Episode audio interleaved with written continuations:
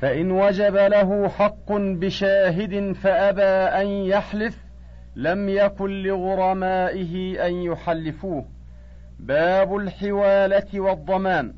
ومن أحيل بدينه على من عليه مثله فرضي فقد برئ المحيل.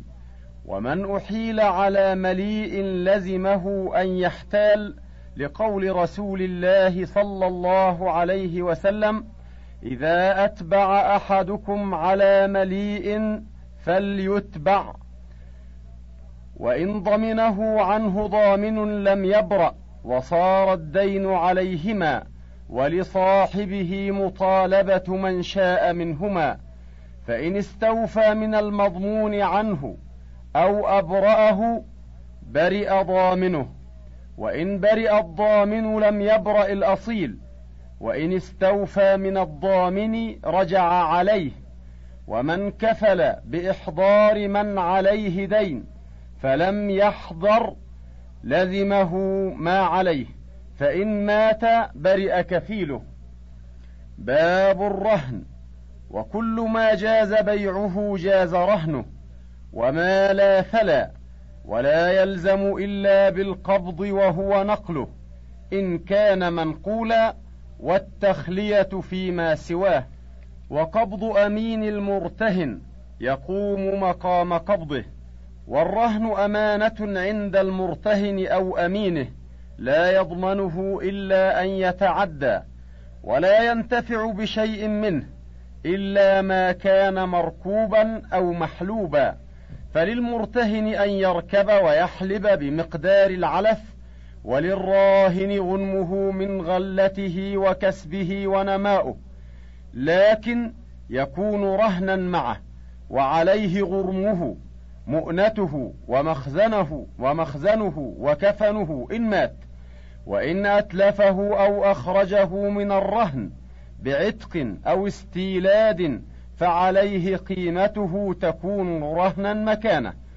وإن جني عليه غيره فهو الخصم فيه وما قبض بسببه فهو رهن وإن جنى الراهن فالمجني عليه وإن جنى الرهن فالمجني عليه أحق برقبته فإن فداه فهو رهن بحاله وإذا حل الدين فلم يوفه الراهن بيع وأوفي الحق من ثمنه وباقيه للراهن.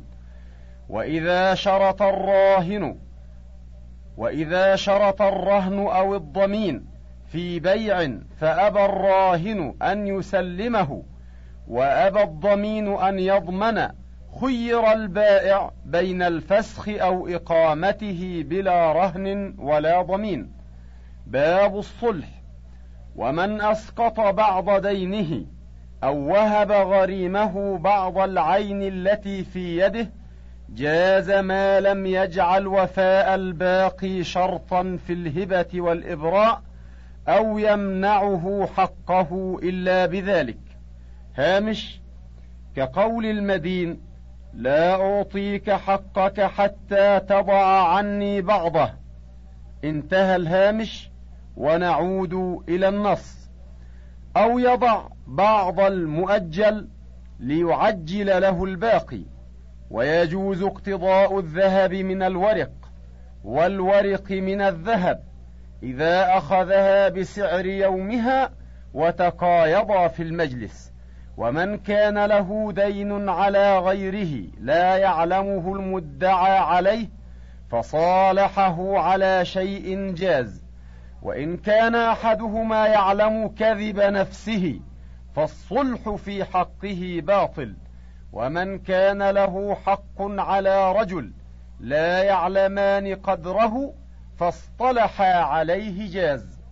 باب الوكالة وهي جائزة في كل ما تجوز النيابة فيه إذا كان الموكل والوكيل ممن يصح ذلك منه.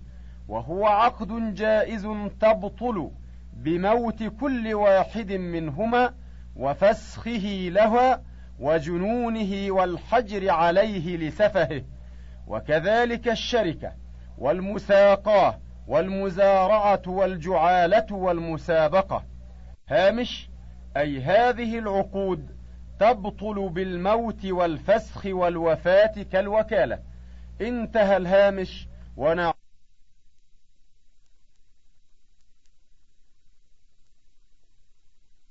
الإذن لفظا أو عرفا وليس له توكيل غيره ولا الشراء من نفسه ولا البيع لها إلا بإذن موكله. وإن اشترى لإنسان ما لم يأذن له فيه فأجازه جاز وإلا لزم من اشتراه. الوكيل أمين لا ضمان عليه فيما يتلف يتلف إذا لم يتعدى والقول قوله في الرد والتلف ونفي التعدي وإذا قضى الدين بغير بينة ضمن إلا أن يقضيه بحضرة الموكل ويجوز التوكيل بجعل وبغيره فلو قال بع هذا بعشرة فما زاد فلك صح باب الشركة. وهي على أربعة أضرب. شركة العنان وهي أن يشتركا بماليهما وبدنيهما. وشركة الوجوه وهي أن يشتركا فيما يشتركا فيما يشتريان بجاهيهما. وشركة المضاربة وهي أن يدفع أحدهما إلى الآخر مالا.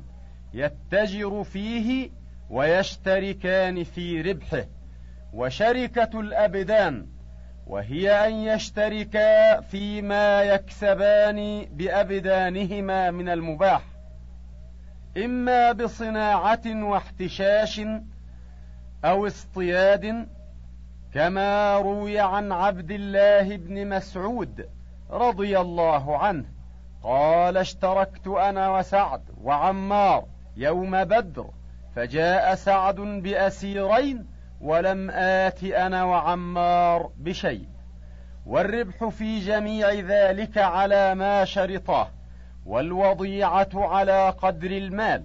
ولا يجوز أن يجعل لأحدهما دراهم معينة ولا ربح شيء معين. والحكم في المساقات والمزارعة كذلك. وتجبر الوضيعة من الربح وليس لأحدهما البيع بنسيئة ولا أخذ شيء من الربح إلا بإذن الآخر. باب المساقات والمزارعة. تجوز المساقات في كل شجر له ثمر بجزء من ثمره مشاع معلوم. هامش المشاع كالثلث أو الربع ونحوهما. انتهى الهامش ونعود إلى النص. والمزارعة في الأرض بجزء من الزرع سواء كان البذر منهما أو من أحدهما. لقول ابن عمر عامل رسول الله صلى الله عليه وسلم أهل خيبر بشطر ما يخرج منها من زرع وثمر. وفي لفظ على أن يعمروها من أموالهم وعلى العامل ما جرت العادة بعمله. ولو دفع إلى رجل دابة يعمل عليهما وما حصل بينهما جاز على قياس ذلك. باب إحياء الموات وهي الأرض الدائرة التي لا يعرف لها مالك.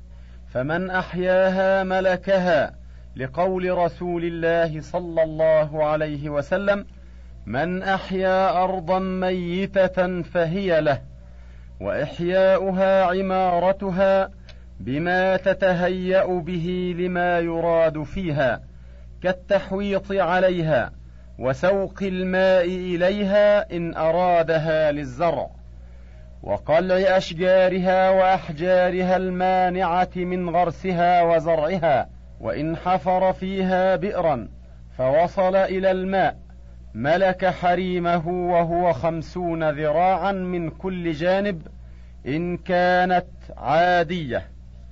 هامش العادية القديمة والبادئ الحادثة. وحريم البئر البدائي خمسة وعشرون ذراعا. باب الجعالة. وهي أن يقول من رد لقطتي أو ضالتي أو بنى لي هذا الحائط فله كذا فمن فعل ذلك استحق الجعل. لما روى أبو سعيد أن قوما لدغ رجل منهم فأتوا أصحاب رسول الله صلى الله عليه وسلم فقالوا هل فيكم من راق فقالوا لا حتى تجعلوا لنا شيئا. فجعلوا لهم قطيعا من الغنم. فجعل رجل منهم يقرأ بفاتحة الكتاب ويرقي ويتفل حتى برئ. فأخذوا الغنم وسألوا عن ذلك النبي صلى الله عليه وسلم. فقال وما يدريكم أنها رقية. خذوا واضربوا لي معكم بسهم. ولو التقط اللقطة قبل أن يبلغه الجعل لم يستحقه. باب اللقطة وهي على ثلاثة أضرب. أحدها ما تقل قيمته فيجوز أخذه والانتفاع به من غير تعريف لقول جابر رخص لنا رسول الله صلى الله عليه وسلم في العصا والسوط وأشباهه يلتقطه الرجل ينتفع به. الثاني الحيوان الذي يمتنع بنفسه من صغار السباع كالإبل والخيل ونحوها فلا يجوز أخذها لأن النبي صلى الله عليه وسلم سئل عن ضالة الإبل فقال ما لك ولها؟ دعها معها حذاؤها وسقاؤها ترد الماء وتأكل الشجر حتى يأتيها ربها ومن أخذ هذا لم يملكه ولزمه ضمانه ولم يبرأ إلا بدفعه إلى نائب الإمام. الثالث ما يكثر قيمته من الأثمان والمتاع والحيوان. والحيوان الذي لا يمتنع من صغار السباع فيجوز أخذه ويجب تعريفه حولا في مجامع الناس كالأسواق. وأبواب المساجد في أوقات الصلوات فمتى جاء طالبه فوصفه دفعه إليه بغير بينة وإن لم يعرفه فهو كسائر ماله. ولا يتصرف فيه حتى يعرف وعاءه ووكاءه وصفته. فمتى جاء طالبه فوصفه دفع إليه أو مثله إن كان قد هلك. أو مثله إن كان قد هلك. وإن كان حيوانا يحتاج إلى مؤونة أو شيئا يخشى تلفه فله أكله قبل التعريف أو بيعه ثم يعرفه. لما روى زيد بن خالد قال سئل رسول الله صلى الله عليه وسلم عن لقطة الذهب والورق فقال أعرف وكاءها وعفاصها ثم عرفها سنة. فإن جاء طالبها يوما من الدهر فادفعها إليه وسأله عن الشاة فقال خذها فإنما هي لك أو لأخيك أو للذئب. وإن هلكت اللقطة في حول التعريف من غير تعد فلا ضمان فيها. واللقيط هو الطفل المنبوذ وهو محكوم بحريته وإسلامه. وما وجد عنده من المال فهو له وولايته لملتقطه. إذا كان مسلما عدلا ونفقته في بيت المال إن لم يكن معه ما ينفق عليه وما خلفه فهو في. ومن ادعى نسبه ألحق به إلا إن كان كافرا ألحق به نسبا لا دينا ولم يسلم إليه. باب السبق.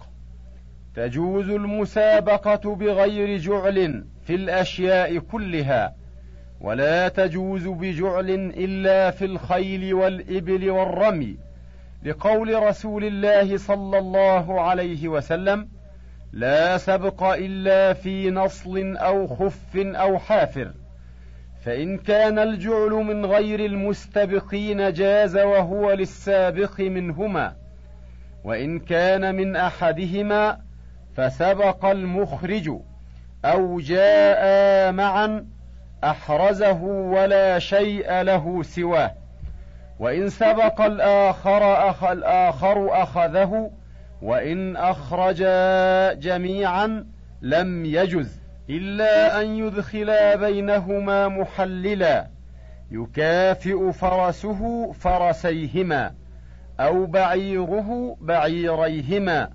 أو رميه رميهما لقول رسول الله صلى الله عليه وسلم من أدخل فرسا بين فرسين وهو لا يأمن أن يسبق فليس بقمار. ومن أدخل فرسا بين فرسين أمن أن يسبق فهو قمار. فإن سبقهما أحرز سبقيهما وإن سبق أحدهما أحرز سبقه وأخذ سبق صاحبه ولا بد من تحديد المسافة وبيان الغاية وقدر الإصابة وعدد الرشق. تكون المسابقة في الرمي لا على الإصابة على البعد. باب الوديعة وهي أمانة لا ضمان فيها على المودع ما لم يتعدى. وإن لم يحفظها في حرز مثلها أو مثل الحرز الذي أمر بإحرازها فيه أو تصرف فيه لنفسه أو خلطها بما لا تتميز منه أو أخرجها لينفقها ثم ردها أو جحدها ثم أقر بها أو كسر ختم كيسها أو امتنع من ردها عند طلبها مع إمكان ضمها مع إمكانه ضمها وإن قال ما أودعتني ثم ادعى تلفها أو ردها لم يقبل منه وإن قال ما لك عندي شيء ثم ادعى ردها أو تلفها قبل والعارية مضمونة. وإن لم يتعد فيها المستعير. كتاب الإجارة وهي عقد على المنافع لازم من الطرفين لا يملك أحدهما فسخها ولا تنفسخ بموته ولا جنونه وتنفسخ بتلف العين المعقودة عليها وانقطاع نفعها وللمستأجر فسخها بالعيب قديما كان أو حديثا. ولا تصح إلا على نفع معلوم. إما بالعرف كسكنى دار أو بالوصف كخياطة ثوب معين أو بناء حائط. أو حمل شيء إلى موضع معين. وضبط ذلك بصفاته أو معرفة أجرته. وإن وقعت على عين فلا بد من معرفتها. ومن استأجر شيئا فله أن يقيم مقامه من يستوفيه بإجارة أو غيرها إن كان مثله أو دونه. وإن استأجر ارضا لزرع فله زرع ما هو أقل منه ضررا.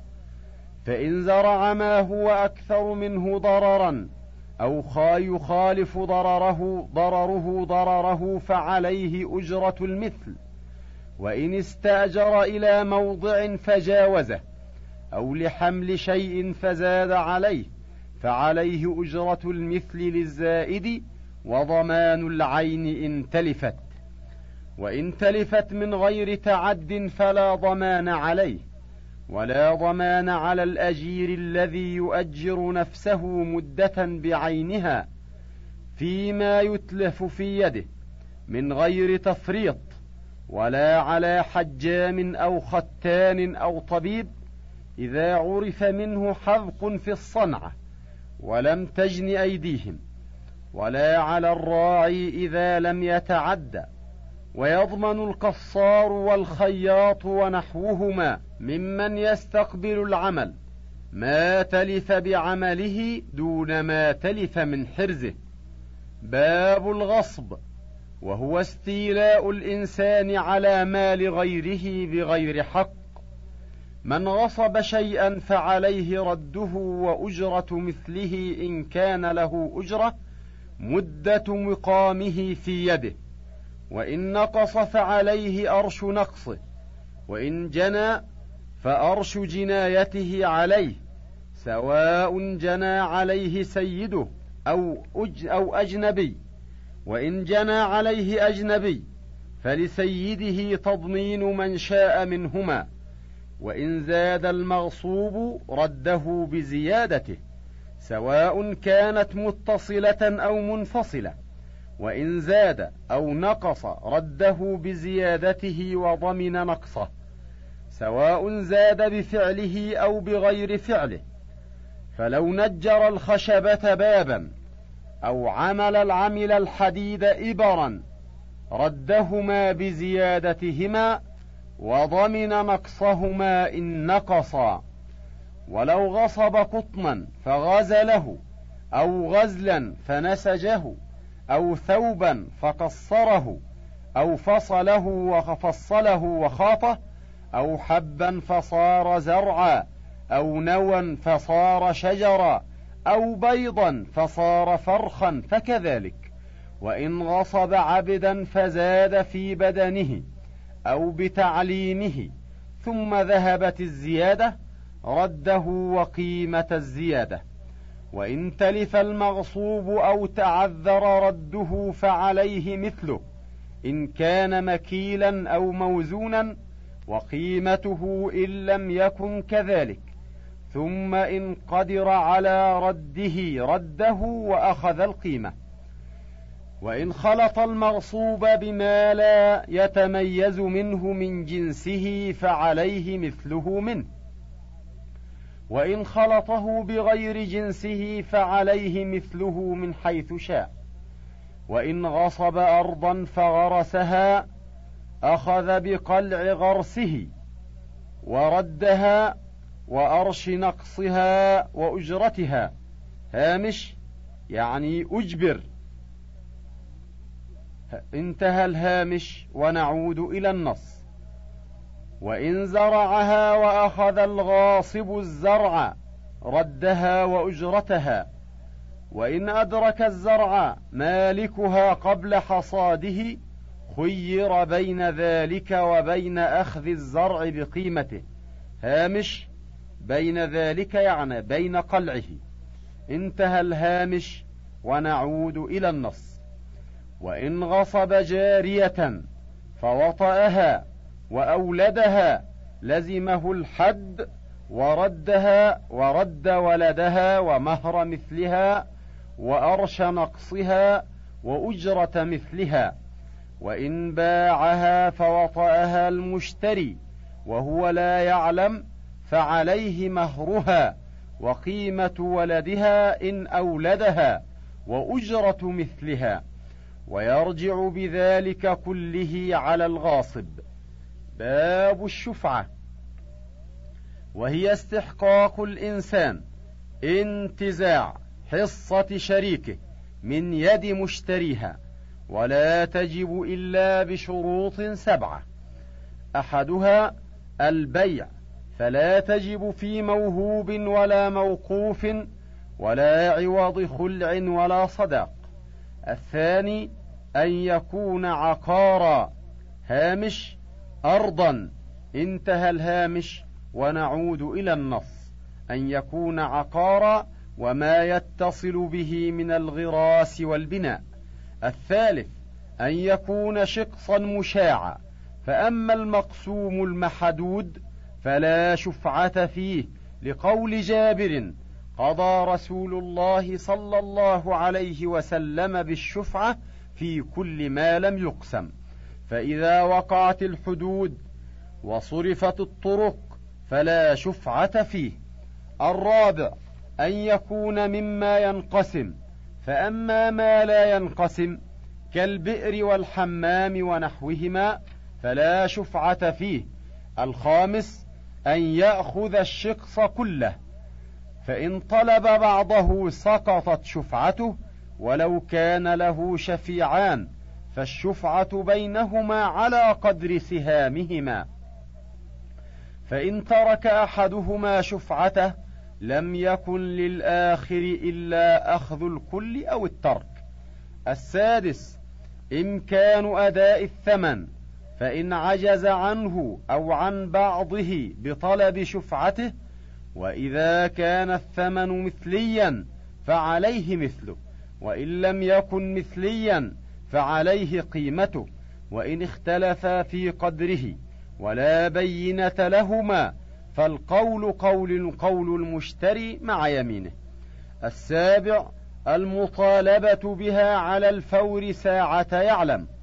فإن أخرها بطلت شفعته إلا أن يكون عاجزا عنها لغيبة أو حبس أو مرض أو صغر فيكون على شفعته متى قدر عليها إلا أنه إن أمكنه الإشهاد على الطلب بها فلم يشهد بطلت شفعته فإن لم يعلم حتى تبايع ثلاثة فأكثر فله مطالبة من شاء منهم فإن أخذ من الأول رجع على الثاني بما أخذ منه والثاني على الثالث ومتى أخذه وفيه غرس أو بناء للمشتري أعطاه الشفيع قيمته إلا أن يختار المشتري قلعه من غير ضرر فيه. وإن كان فيه زرع أو ثمر باد فهو للمشتري يبقى إلى الحصاد أو الجذاذ وإن اشترى شقصا وسيفا في عقد واحد فللشفيع أخذ الشقص بحصته. انتهى الشريط الثالث وللكتاب بقية على الشريط التالي.